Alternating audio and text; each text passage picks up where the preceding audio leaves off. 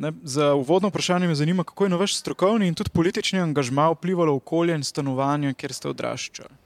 Uh, ja, pravzaprav ne preveč, ne, zato ker jaz sem odraščal v popolnoma drugačnem okolju uh, kot otrok, uh, v primerjavi s tem, da, da sem pozneje živel v mestu. Jaz sem odraščal na podeželju in, uh, in tam je uh, bilo življenje res povsem drugačno. Ne. Danes, ko opazujem otro, otroke, ki se igrajo v otroških igriščih, ne, čeprav so lepo urejena in skrbno varovana, se samo pomislim na to, da, da mi nismo imeli otroških igrišč, ampak je bilo naše otroško igrišče eh, posod tam, dokjer smo se upali iti. Ne.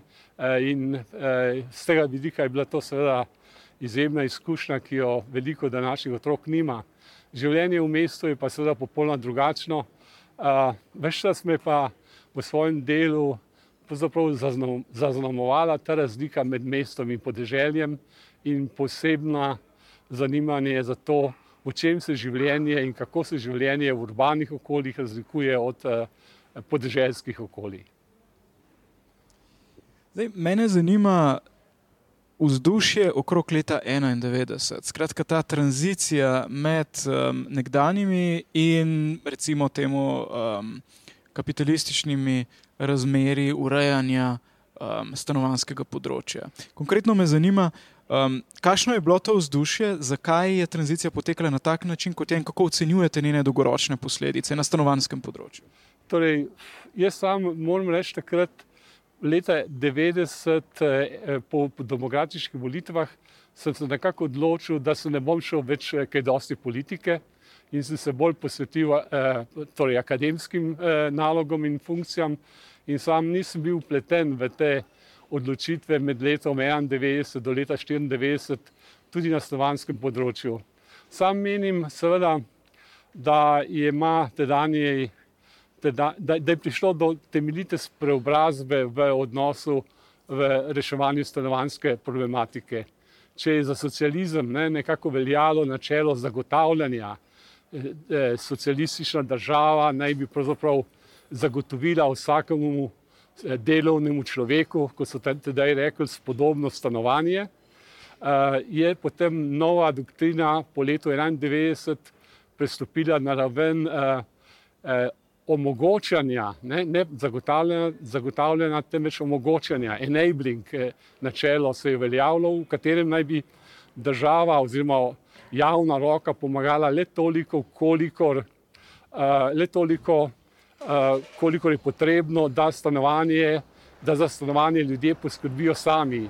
Za tiste mehko kategorijo ljudi, ki pa tega ne more, ne, pa naj bi z nekimi socialnimi stanovanji vendarle skrbele občine, mogoče tudi država.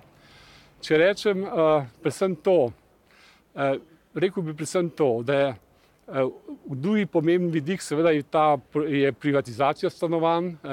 Moram reči, da danes velja, da je bila ta privatizacija zgrešena. Sam mislim, da je bilo storjeno nekaj pomembnih napak, da pa v celoti nikako ni bila zgrešena. Ampak rezultat te privatizacije je pravzaprav bil, da so bili na nek način, recimo leta 1994 ali tam okoli, srečni na, ne, na, na, na nek način vsi, ki so že imeli stanovanje. Ne. Tisti, ne, ki so bili v najemnih stanovanjih in so ga poceni pridobili vlast, tisti, ki so kupili stanovanja ali pa gradili hiše eh, z posojili, ki jih je popolnoma razrednotila inflacija in so ta posojila dobili tako rekoč za ston. Uh, vsi ti, ki so že imeli stanovanja, so na nek način v narekovaju profitirali. Ne? Pojavila pa se je neka kategorija, ki pa je bila nesrečna za vse ostale. Ne? In to so pravzaprav tisti, ki prvič rešujejo stanovanski problem. In ključno vprašanje, nerešeno vprašanje stanovanske politike je vse odtlej, od sredine 90-ih let pa do danes, je vprašanje, kako pomagaš, pomagati in omogočiti, da pridejo v razmeroma doglednem času do stanovanja eh, tisti, ki pravzaprav eh, prvič rešujejo svoj, svoj stanovanski problem in vstopajo v sisteme stanovanske oskrbe. Zdaj, v nekih neuralgičnih točkah sprememb, tako okrog 91. leta, kot recimo danes, po zadnjih letih, ko je stanovanska kriza, čeprav mogoče ne bolj ne bolj ekstremna kot prej, pa vendar v bolj v spredju pozornosti javnosti. V obeh teh obdobjih se mi zdi, je civilna družba in tudi akademska sfera posegla. Um, in uh, posegla v javno debato, še posebej tudi, recimo, sociološka sfera. Zanima me, vi ste tako sociolog kot politik, oziroma ste bili oboje, um, in me zanima, kako gledate um, na sodelovanje stroke in civilne družbe pri tem zelo širokem področju, nasplošno pri nas. Um, kako ocenjujete današnjo civilno družbo in angažmajo na stanovanskem področju? Pa tudi zanima me, kako gledate na lastno dvojno vlogo, recimo in politično, in uh, strokovno, oziroma akademsko vlogo pri ukvarjanju z istim vprašanjem.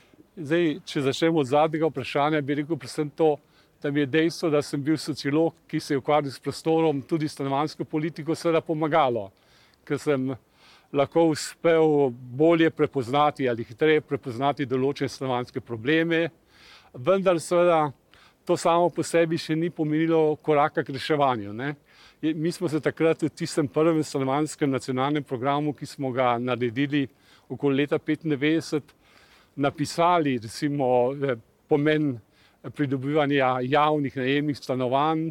Tudi uspeli smo dokapitalizirati stanovanski, republiki stanovanski sklad vsa ta leta od 94 do 99, zagnati e, neko gradnjo teh stanovanj v določeni meri. Treba je vedeti takrat, da je prišlo tudi do preoblikovanja občin ne? in da so se občine dve leti ukvarjale samo s sabo, ne? da so imeli delitvene bilance, da so da jih je zanimalo vse kaj drugega kot gradnja stanovanj. Ne.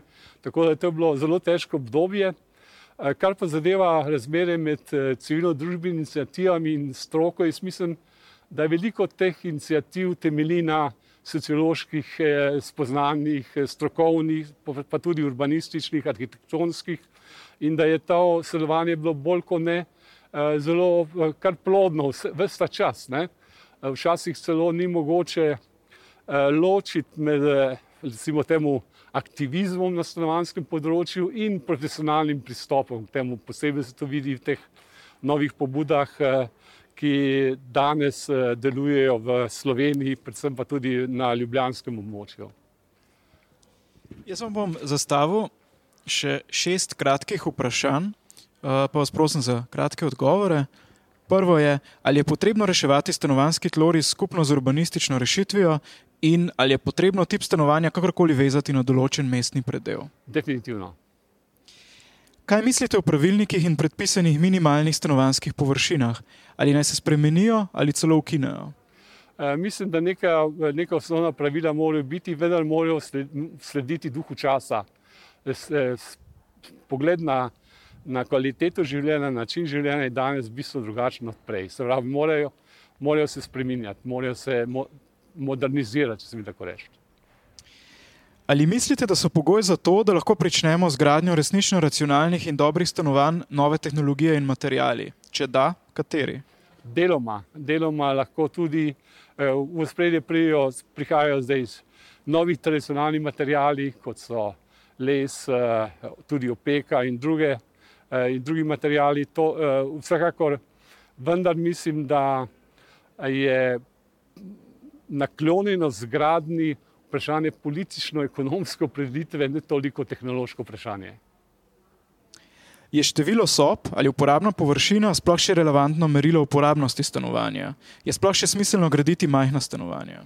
Uh, jaz mislim, da je treba graditi vse tipe stanovanj, zaradi tega, ker se je struktura družbe spremenila in imamo, in nimamo več zgolj prevladujoče kategorije, dvoč, eh, to je enostavne nuklearne družine, starši, otroci, ampak imamo veliko število samskih in drugih. In mislim, da v posameznih življenjskih obdobjih eh, ljudje potrebujejo različne oblike prebivanja, zato je seveda eh, potrebno torej ohranjati oziroma povečevati raznovrstnost različnih stanovanjskih oblik. Skladi ima omejena sredstva. Ali je v času stanovanske krize pametneje ta sredstva vložiti v gradnjo večjega števila zasilnih ali manjšega števila bolj kvalitetnih, optimalnih enot? Jaz mislim, da je treba, da se moramo uh, posloviti od ideje tako manjih zasilnih eh, stanovanj.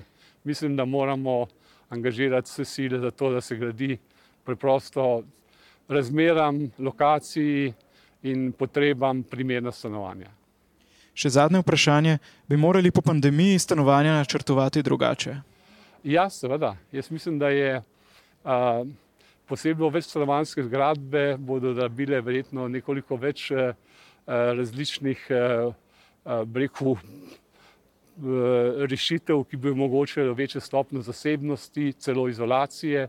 Tako da da, ja, mislim, da je posebej tam, ne, kjer je danes je pomembno to, da se v stanovanja vrača delovno mesto. Veliko ljudi, ne samo zaradi pandemije, tudi sicer se veliko uh, dela danes od doma. In uh, prav zaradi tega je, ta ločenost med delovnim mestom in stanovanjem se pravi, postala manj opazna, in zato bo, se bo temu moralo spremeniti tudi tloris in zasnova stanovanj. Tako da Če pripisujemo epidemiji dejstvo, ne, da je spodbudila delo na domu, potem lahko rečemo, da je ta epidemija povzročila tudi to, da moramo ponovno premisliti vse funkcije, ki jih stanovanje upravlja. Hvala lepa. Prosim.